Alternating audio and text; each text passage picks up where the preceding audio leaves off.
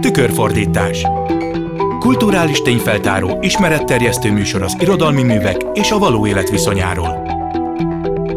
Tükörfordítás jó napot kívánok! A Klubrádió mikrofonjánál Pályi Márk köszönti Önöket. Ebben a műsorban általában olyan megközelítéseket vizsgálunk, amelyekről ritkábban szoktak beszélni. A mai adás apropóját Cseh Tamás halálának évfordulója adja. Egy-két nap múlva, augusztus 7-én lesz 14 éve, hogy a legendás énekes eltávozott, és a mai adásban egy kicsit másik szemszögből fogjuk megközelíteni őt, mint amit megszoktunk. Felváltva fogunk hallani egy-egy Cseh Tamás dalt, és előtte egy értekező szöveg részletét Kertész Imrétől, illetve Teodor Adornótól. Az én feltételezésem az, hogy az egyes szövegek és dalok nagyon jól illeszkednek egymáshoz. Cseh Tamás életművét a legtöbbször máshova sorolják, mint ezeket a nagyon magas polcon elhelyezkedő gondolkodókat. Valójában azonban Bereményi Géza dalszövegei átjárást teremthetnek közöttük, hiszen Bereményi a 20. század második felének sokszor a legfontosabb, feltáratlan kérdéseivel foglalkozott, még ha öntudatlan váratlanul is. Az adás végén majd őt is fogjuk hallani néhány szóban ezekről az összefüggésekről. A műsor végén pedig még Szűcs Zoltán Gábor eszmetörténésszel is váltunk néhány szót az itt elhangzottakról. Kezdjük már is azzal a dallal, amelyet a mai adásban hallott dalok arszpoetikájának is nevezhetünk, amely arról szól, hogy már megszűnt az a világ, amiben egy-egy dal naív témáit még sértetlenül meg lehetett énekelni. Mondjuk az anya, vagy épp a szülőföld szeretetét, vagy magát a dal dalolás örömét. És hogy ez miért vált már lehetetlenné, arról a dal előtt elhangzó Kertész Imre eszérészlet fog tudósítani bennünket Valc Péter felolvasásában. A hamburgi eszéből vett rövid részletben Kertész Imre a világ korábbi formájának Auschwitz utáni eltűnéséről beszél. Az emberírtás találmánya éppenséggel nem új találmány, de a folyamatos, az éveken, évtizedeken keresztül rendszeresen folytatott és így rendszerré vált emberírtás, a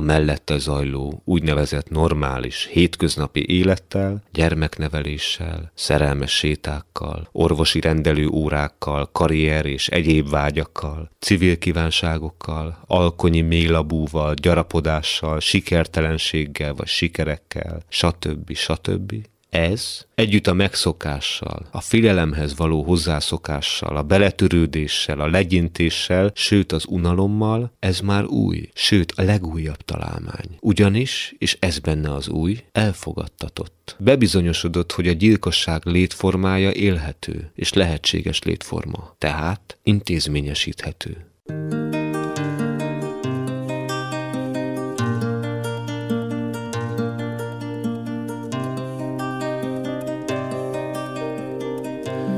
Kéne egy dal, miben egy ház szerepel.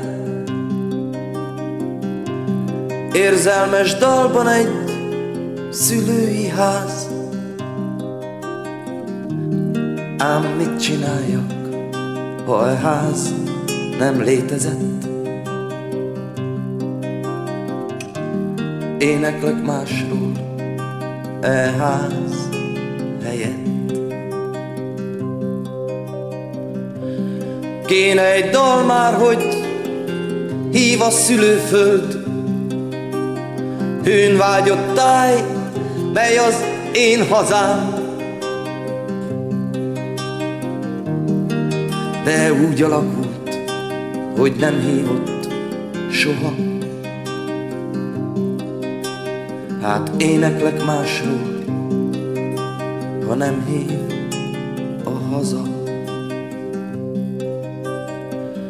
Jól tudom, kéne anyámról is egy dal. Őszhajú asszony lenne benne anyám. Ám az én anyám nem drága anyu. Úgy vélem sajnos nem dalba való És dal kéne arról, hogy énekelni jó. Számos baráttal, nagy asztalok körül. Ám nincs egy este, ami mindenható. Így hát az ének nem dalba való. Lám lett egy ember, aki már nem is énekel. Jól tudja, nincs ház, nem hívja a haza. És itt egy dal, ami nem dúdolható. Mert nem dalba való, nem dalba való.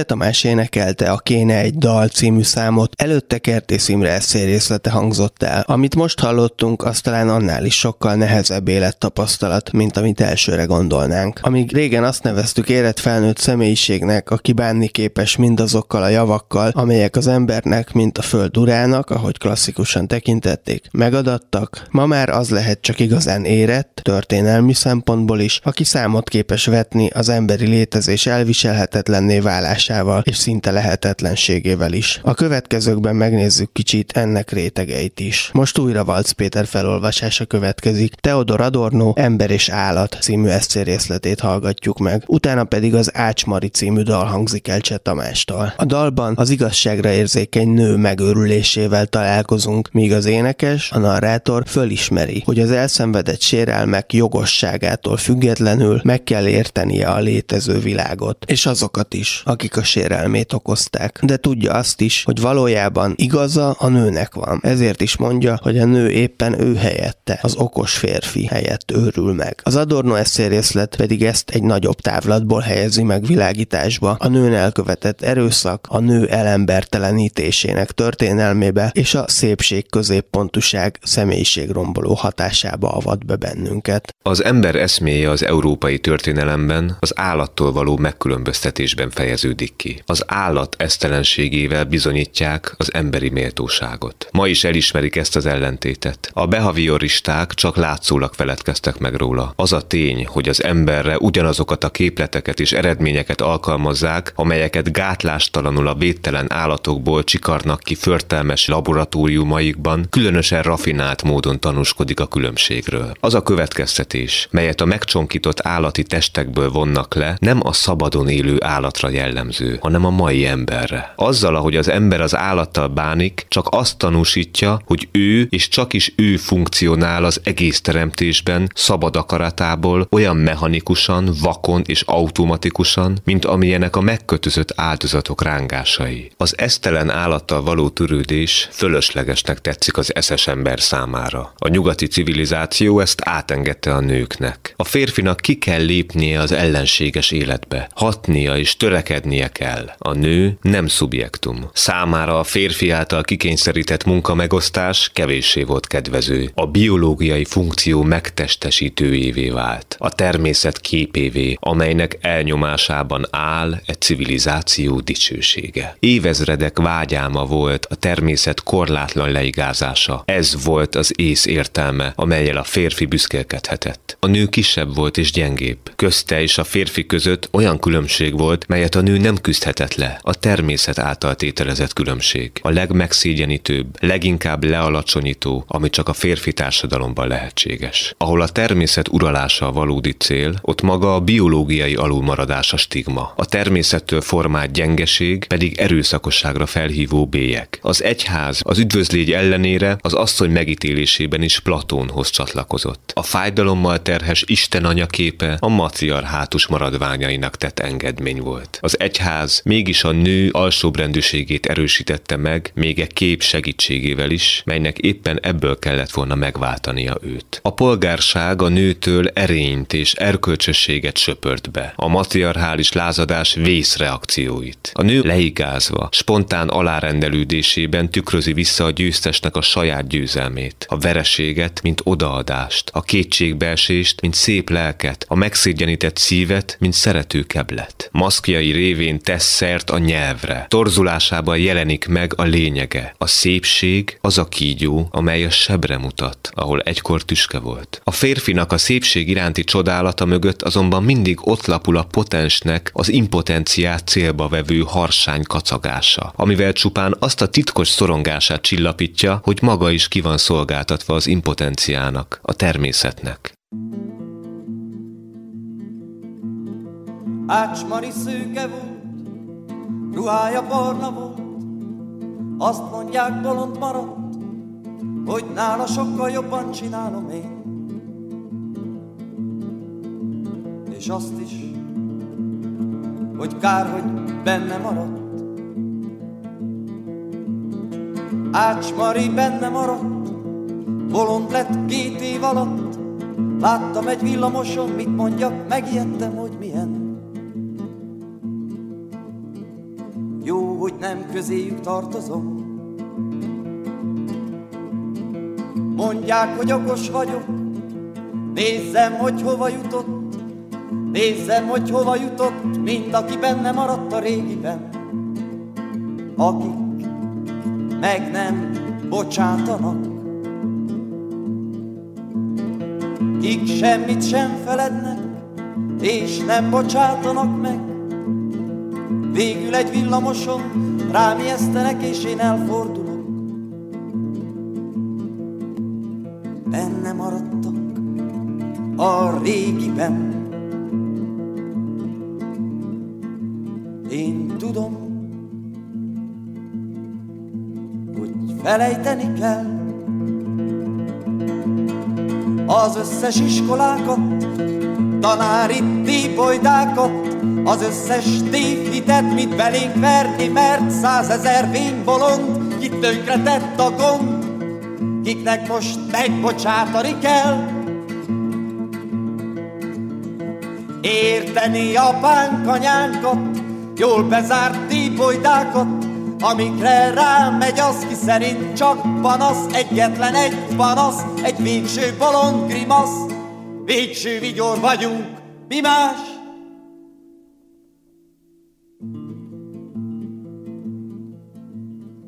Ács Mari, te velem, hogy nekünk nincs más milyen, hogy nekünk nincs csak ilyen, csak ilyen példasértett életünk. És benne maradt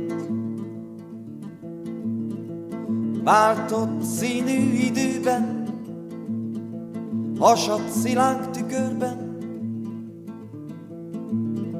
Látom, mi velünk történt, csak meg ne sértődjek, mint ácsmari. Félek, hogy benne maradok. Ácsmari bolond halott, legvégső villamosok, szétviszik őrült menjen, nincs miért szégyenkeznem, de mégis el szeretném, most mégis el szeretném, mielőtt még elmenne a helyettem őrületbe, abba a kérlelhetetlenbe, most mégis el szeretném búcsúztatni őt. Én. Az okos, én. Az okos,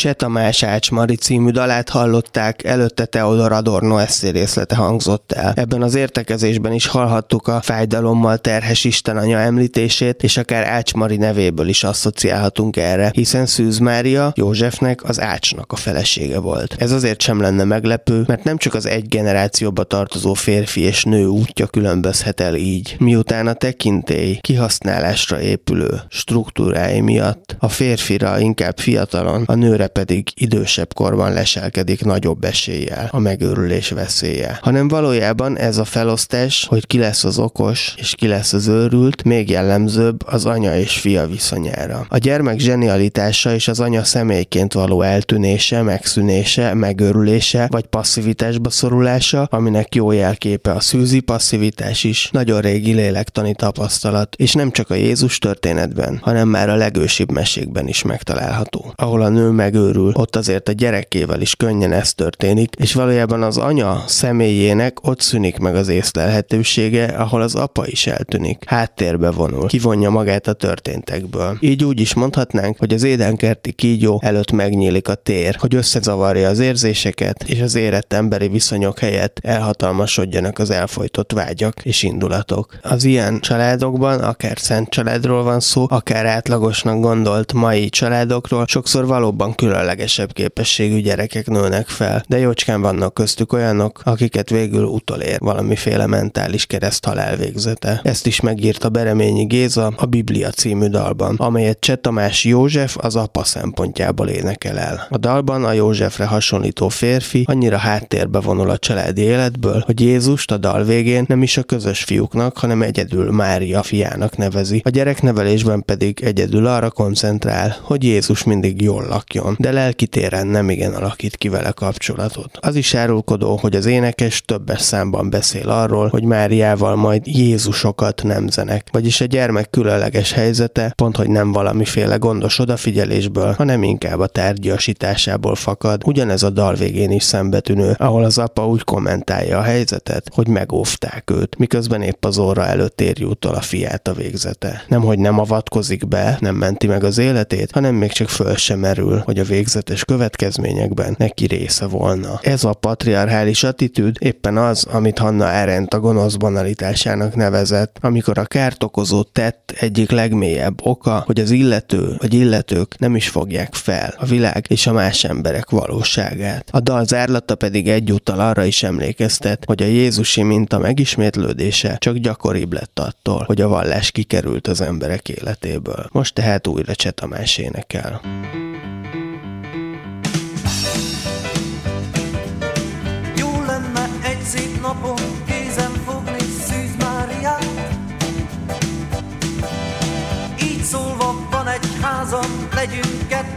Szent család.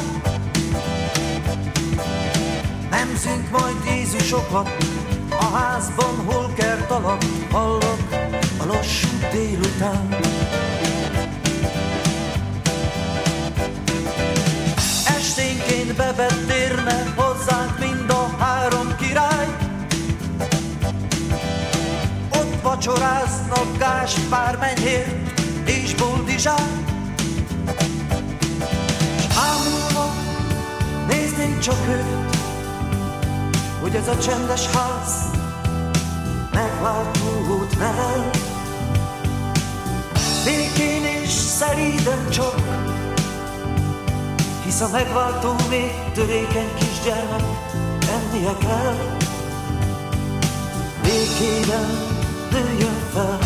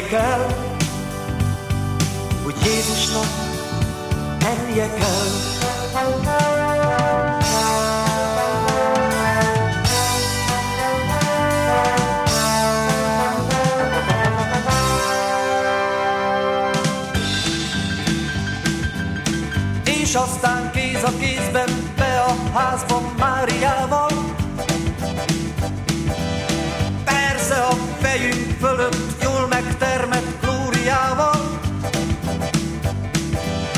Elvitték megváltónkat, bezárni az ajtókat és gyorsan egy újat nem zené. Elvitték megváltónkat, bezárni az ajtókat és gyorsan egy újat nem zené.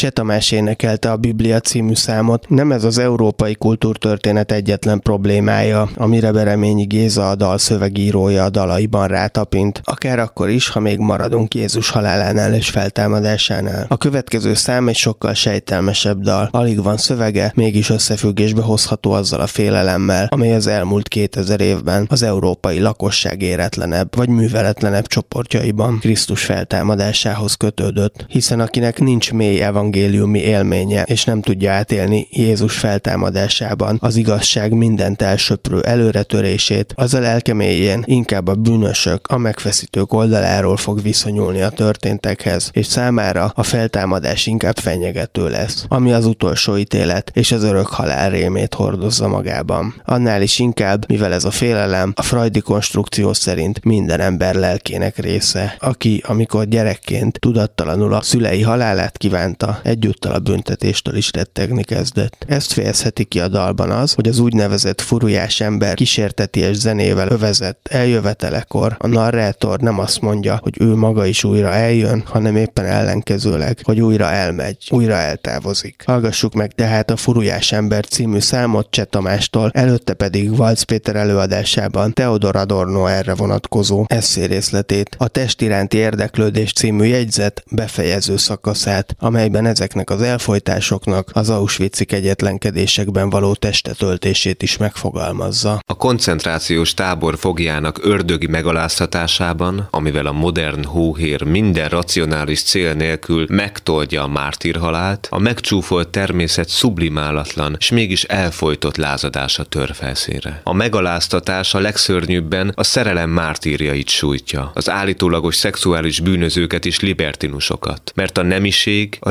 redukálatlan test, az a megnyilvánulás, amelyre a hóhírok titokban kétségbe esetten sóvároknak. A gyilkos a szabad szexualitásban az elveszett közvetlenségtől retteg, az eredeti egységtől, amelyben ő már nem élhet többé. Ez az egység, az a bibliai halott, aki feltámad és él. A gyilkos mindent egyé tesz azáltal, hogy mindent megsemmisít, mert saját magában el kell folytania az egységet. Az áldozat azt az életet tárja elébe, amely túlélte a szétválasztást. Ezt kell megtörni, és az univerzumnak porrá és absztrakt hatalommá kell válnia.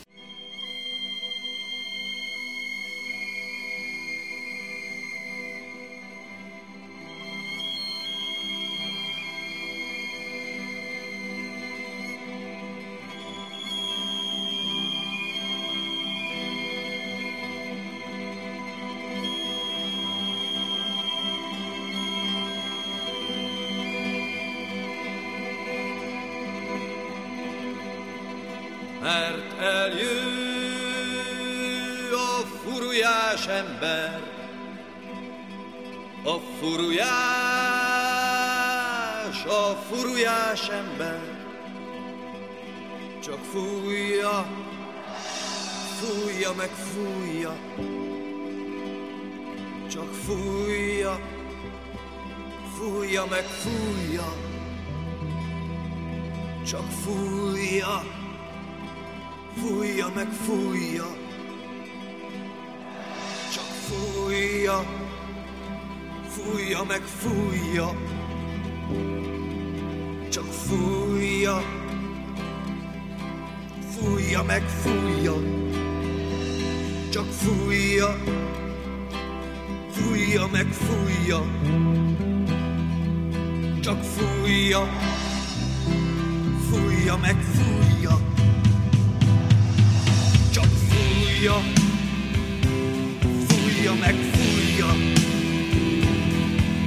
csak fújja, fújja meg, fújja, csak fújja, fújja meg, fújja, csak fújja, fújja meg, fújja, csak fújja, fui up and fui up.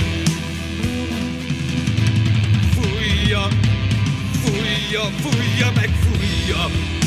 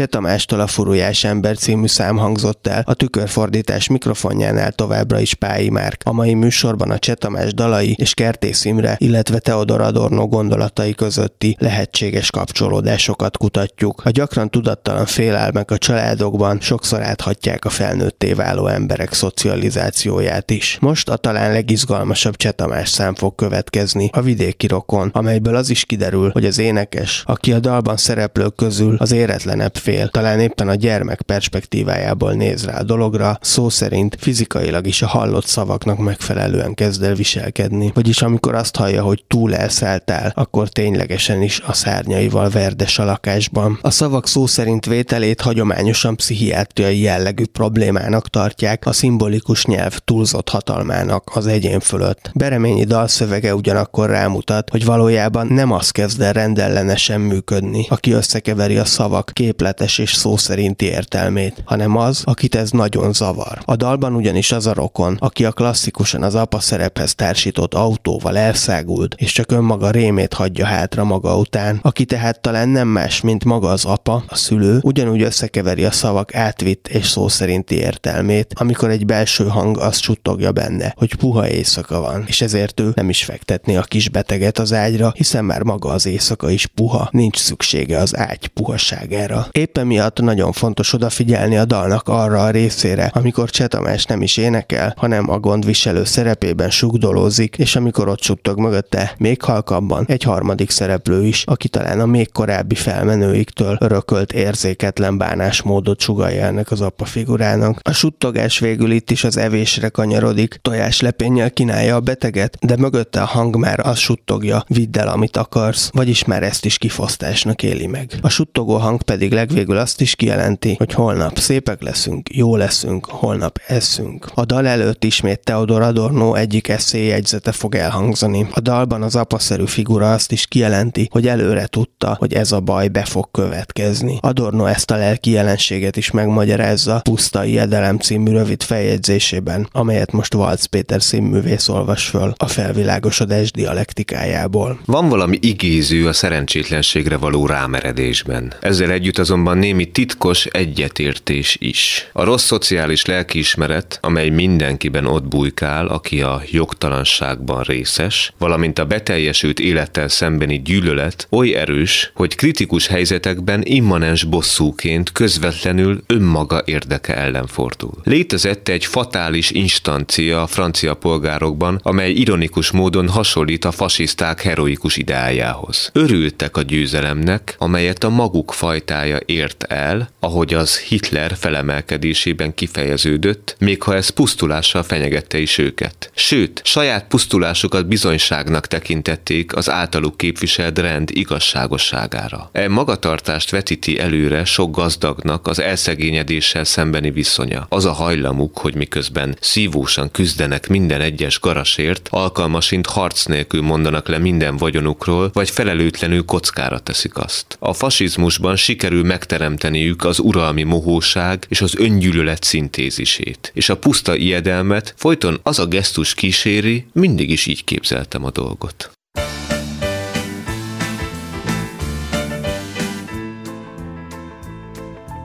Kívánom másnak, hogy felébredjen üres szobámban Keresztben égeső bombázza szét azt, amit láttam. Számban az íz, valami íz, és nem múlik el. Ágyamban felülve levetem a kabátomot.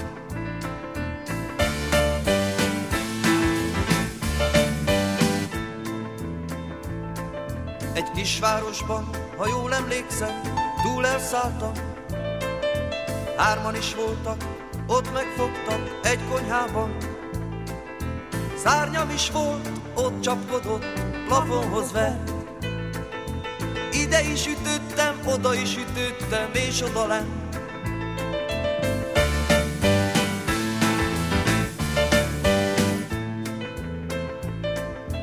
És oda lent Hárman is hívtak, gyere ne félj már. Félreértetted, nem úgy gondoltuk, hova is szállnál. Szárnyaimból hullott a toll, s a kisvárosom Csendesen átment egy autóval, egy rokonom.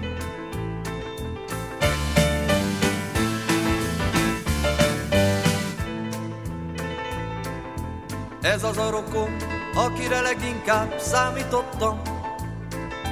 És ő volt az, aki ott hagyott egy magamban. Kint elzúgott egy autóban, puha estében Neki elárulnám, hogy ott a konyhában mitől féltem.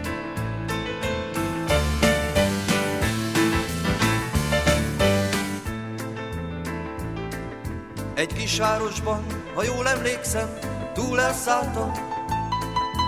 Hárman is voltak, jól megfogtak egy konyhában. Pihegtem ott, s aki fogott, langyos tegyél S hallottam még távol egy autó a strádára él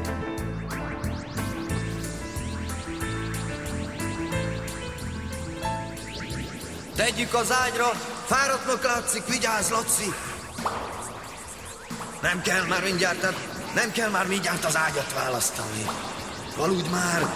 Mi bajod? Éjszaka van!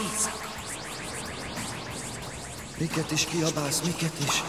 Szegény fiam. Micsoda rokon, micsoda autó, micsoda út. Tudtam, tudtam, hogy végül, tudtam, hogy végül ide jut.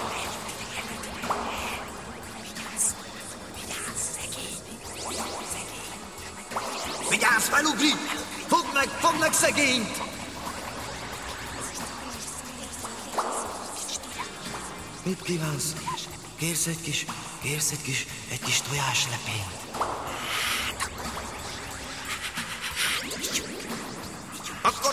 Hogyha túl vagyunk az ijegységen. Akarod, hogy megcsókoljalak? Annyira féltem. Ott hagytuk abba, hol is, Laci? Holnap majd elmegyünk, elmegyünk, elmegyünk jegyeket váltani! Jegyeket váltani! Jegyeket váltani!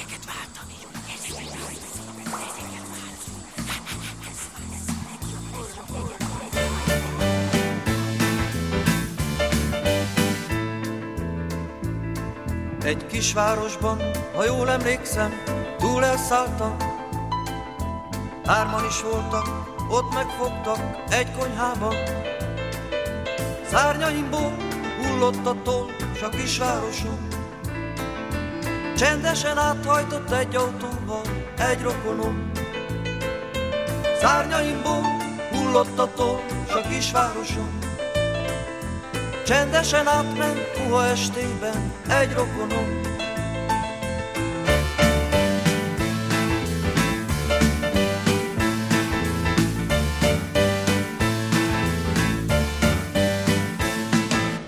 Vidéki Rokon című dalt énekelte Cseh Tamás. Ha ebben a dalban egy olyan apát hallottunk, aki csak a felszínen tud felelősséget vállalni a gyermekéért, akkor azt is látjuk, hogy a holokauszt és az atombomba ledobása utáni korszak művészetében, és persze a hétköznapi életben is egyre több emberben jelenik meg az aggodalom, hogy nem tud megfelelően viszonyulni a gyermekéhez, és talán olyan végzetes hatást tesz rá, ami nem is állt szándékában. Például kiteheti saját rejtett irítségének, gyűlöletének is. És ahogy Nietzsche mondta, igaz, hogy a szándék megmutat ugyan valamit a dolgokból, de annál sokkal több mindent el is rejt, hiszen a valódi tartalmaink a legtöbbször nem a tudatos megfontolásainkban állnak. A Jaj, mit mondok majd című rövid Csetamás dalban erről a kérdésről esik szó. És ez a kérdés foglalkoztatta Kertész Imrét is, amikor megírta Kaddisa meg nem született gyermekért című eszéregényét. Most előbb ebből mond el egy részletet Valsz Péter, utána Csetamás énekel.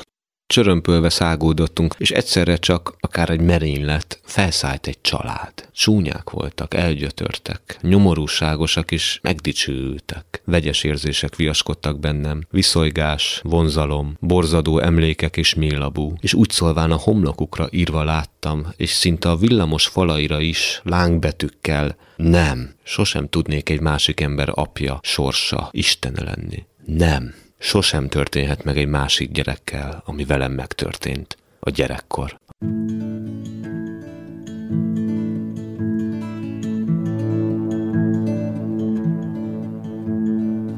Jaj, mit mondok majd a gyerekemnek én?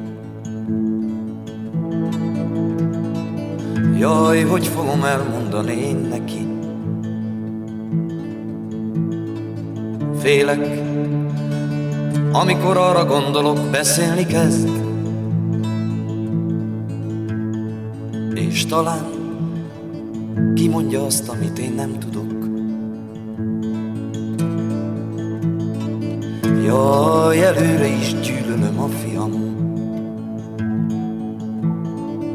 Jaj, félek, hogy valami titka lesz.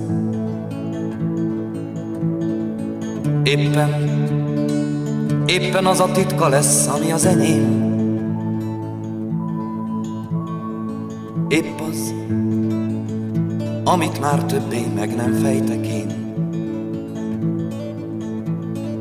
Éppen, éppen az a titka lesz, ami az enyém.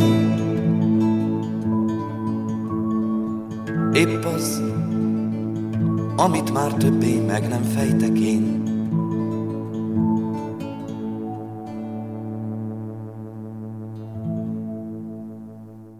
Csetamás dalai közül még egy van hátra a tükörfordítás mai adásában, a Jobbik részem című szám. Előtte ismét Adorno és Horkheimer a felvilágosodás dialektikája című munkájának egyik részlete fog elhangzani. Adorno elméleti szinten magyarázza meg az általános szellemi leépülésnek azt a jelenségét, amelyet Bereményi Géza dalszövege érzékletesen mutat be. A megjelölve című szöveget Valc Péter olvassa föl. 40-50 éves korukban az emberek rendszerint különös tapasztalat tapasztalatra tesznek szert. Felfedezik, hogy azok közül, akikkel együtt nőttek fel és kapcsolatban maradtak, a legtöbbnek a szokásaiban és tudatában zavarok keletkeznek. A velük folytatott beszélgetés öregessé, kérkedővé, szószátyárá válik. Míg korábban az idősbödő a többiektől is szellemi indítatást kapott, most azt tapasztalja, hogy szerinte ő az egyetlen, aki önként tárgyi érdeklődést mutat. Kezdetben hajlik arra, hogy kortársainak fejlődését szerencsétlen véletlennek tekintse. Éppen ők változtak meg rossz irányban. Talán a generáción, annak különös külső sorsán múlik az egész. Végül felfedezi, hogy egy tapasztalat ismerős számára, csak más aspektusból az ifjúság nézőpontjából a felnőttekkel szemben.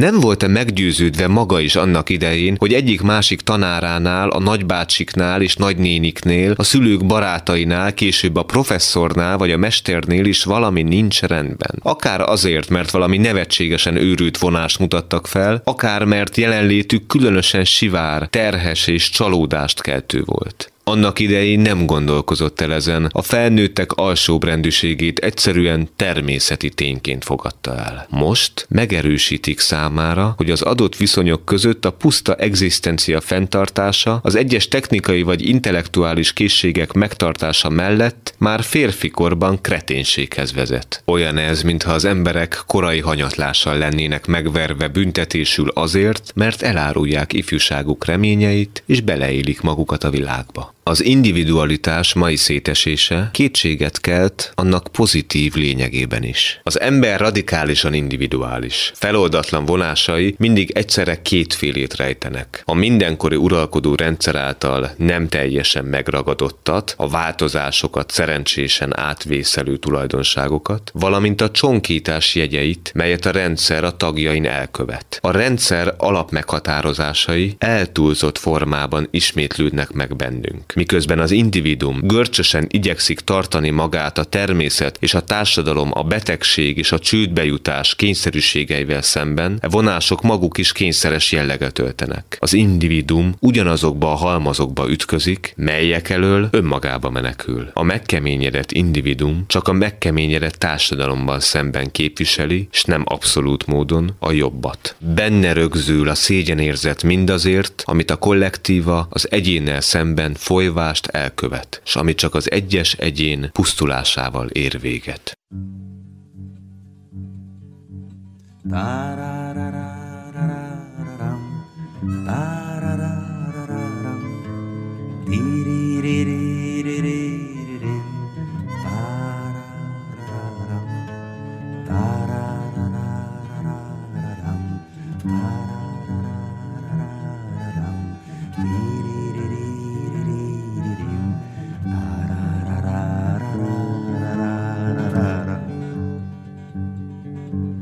Belőlem valaki útra vált, útra jobbik részem, kiment belőlem, itt hagyott, csak úgy észrevétlen.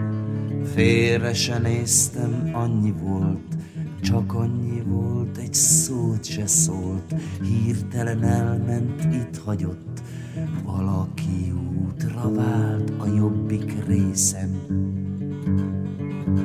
Belőlem valaki útra vált, és én utána néztem. Jól van, hát menjen, tűnjön el az én jobbik részem. Először úgy tűnt semmi sem, változott azzal, hogy hirtelen fogta magát a hűtelen, s útra vált belőlem a jobbik részem. Az én jobbik részem. Azóta járom nélküle a végtelen világot, s valahogy mindent nélküle más színben látok. Hosszasan nyújtózik minden út, valahogy nincsen semmi úgy, minden szó mástól eltanult, mióta útra vált a jobbik részem.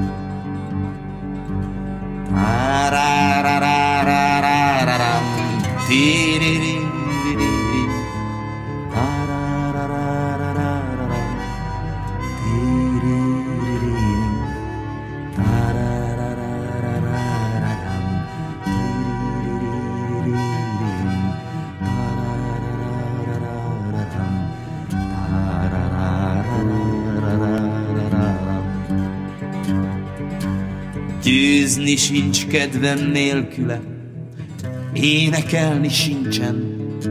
Szórakozottan szórom el sok nagy régi kincsem. Talán egy nő volt, tán gyerek, aki belőlem elveszett, elvitte minden kedvemet.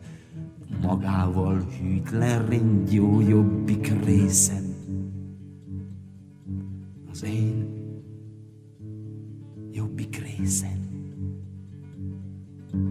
Arcomba vág, úgy ébredek, a fény az izzadt ágyban, Témfergek, csavargok nélküle, Tán erre vártam, mit se kell már itt féltenem, Tán erre vártam, ez jó nekem, Kicsusszant belőlem hirtelen, A kígyó hűtlen, kígyó jobbik részem.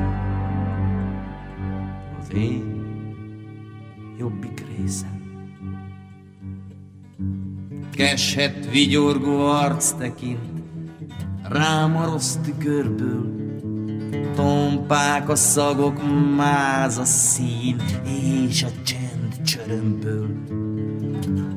Félre se néztem, annyi volt, elment belőlem, itt hagyott, magával vitte, nincs titok, nincs titok, útra vált a jobbik részem. Nincs titok, útra vált a jobbik részem. Nincs titkom, mióta útra vált a jobbik részem.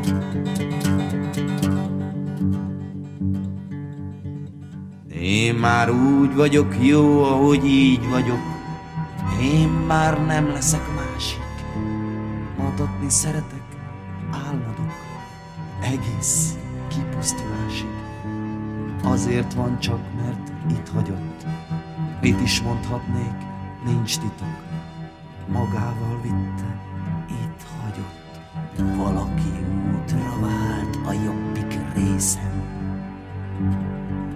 Az én jobbik részem.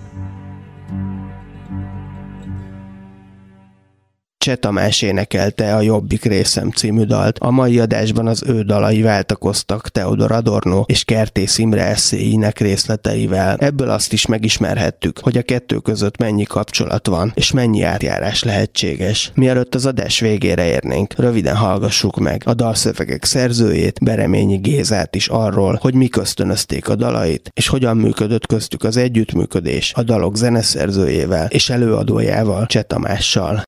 A legpontosabb tanmese, amit erről el tudnék mondani, az egyszer nagyon élesen megfogalmazódott. Ő egyszer azt mondta nekem, hogy te Géza, Szerintem egy gyáva ember vagy, mert a kockázatos, nehéz dolgokat velem mondatott ki, énekelteted el, és ezokat te a kocsmába sem mernéd elmondani. És mondtam neki, hogy ez igaz. Gyáva ember vagyok, ezek szerint így van, de akkor vald be Tamás, hogy te pedig tudatlan ember vagy, mert te magad mondtad nekem egyszer, hogy évek múlva jössz rá, amikor már évek óta énekel a dalokat, hogy mi azoknak az értelme. Ezzel zártam le ezt a vitaszerűséget, hogy tehát egy gyáva és egy tudatlan ember ember szövetségéből születtek ezek a dalok. Így van. Én nem tudom kimondani az utolsó szót ebbe. Szinte félrebeszélek, amikor hmm. ezeket megírom. Az összefüggéstelen beszédet, egy bolondnak az összefüggéstelen beszédét, hogyha szóró-szóra lejegyzik, akkor a, az összefüggéstelen szövegből több értelmes részt össze lehet állítani természetesen, mint egy kirakós játékban. A költői félrebeszéd az ihlet forrásból táplálkozik. Általában ezek a szövegek úgy születtek, hogy a zeneszerző, a Tamás eljátszott nekem egy dallamot. És ami nekem rögtön arról a dallamról eszembe jutott, többségében nem vártam végig, hogy végigjátsza az egészet, tehát a szerkezete nem érdekelt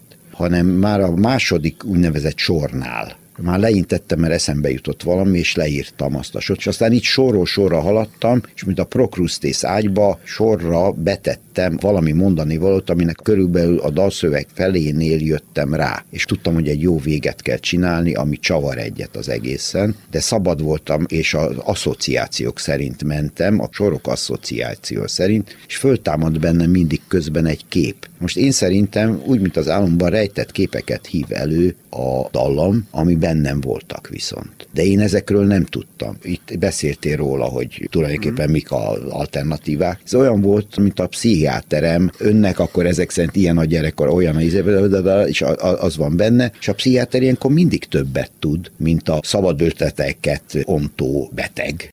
Bereményi Géza beszélt a dal szövegei forrásáról és Csetamással való viszonyáról. A belső közlés korábbi adásából hallottak részletet. Most befejezésül még itt köszöntöm a stúdióban Szűcs Zoltán Gábor politológust, eszmetörténészt, akivel röviden reflektálunk a műsorban elhangzott megközelítésekre. Mit gondolsz az adásban hallott szövegek és zenék összekapcsolásáról? Mennyire érvényesek szerinted? Nekem a Csetamás dalok mindig elsősorban nagyon direkt politikai kontextusban és történelmi kontextusban szoktak előkerülni, és mindig azt szoktam gondolni, hogy ezek a szövegek, de általában a dalok is, mert ezért a zene és a szöveg itt együttműködik, megpróbálják ezeket a tapasztalatokat egy kicsit elemelni a történeti kontextustól, viszont valahogy mégiscsak elválaszthatatlanok tőle. És most az, ahogyan itt a különböző elméleti reflexiók és a dalszövegek így egymásba játszottak, ez így lehetőséget adott arra, hogy még megnövelje ennek a fajta ilyen abstrakciónak vagy eltávolodásnak a mértékét.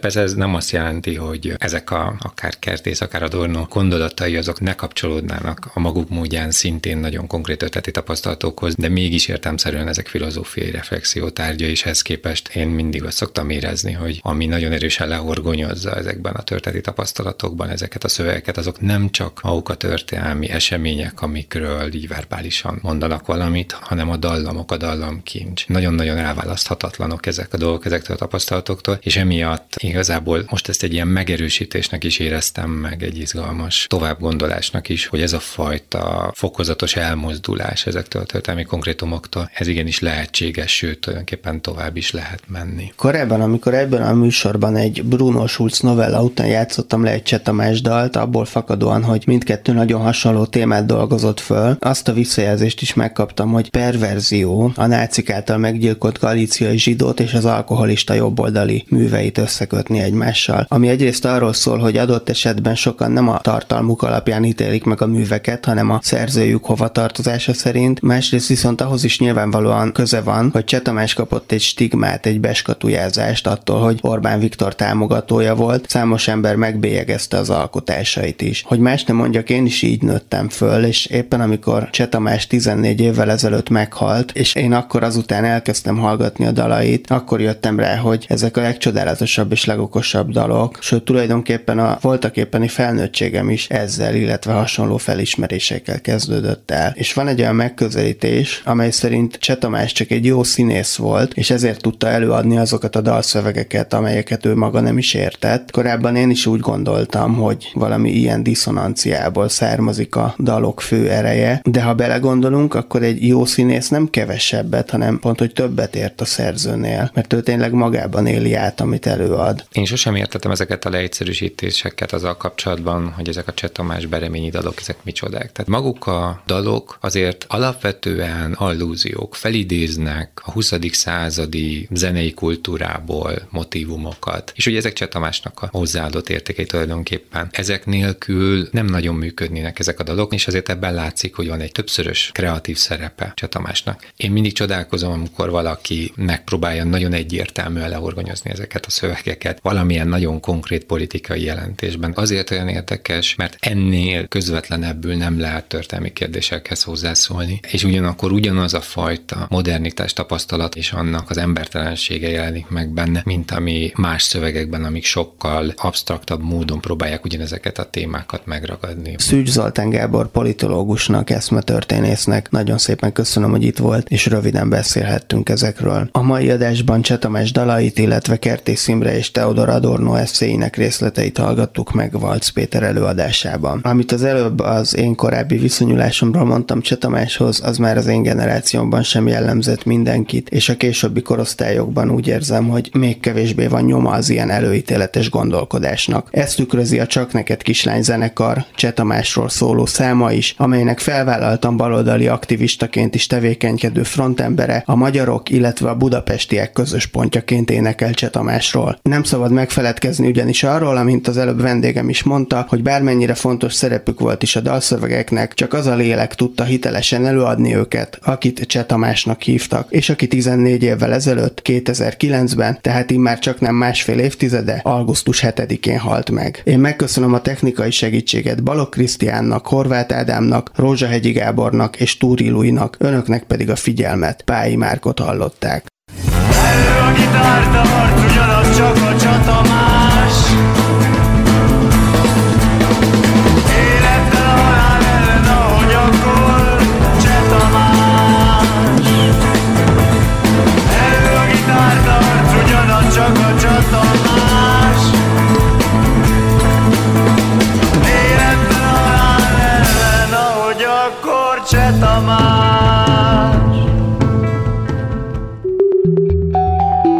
körfordítás. Kulturális tényfeltáró, ismeretterjesztő műsorunkat hallották.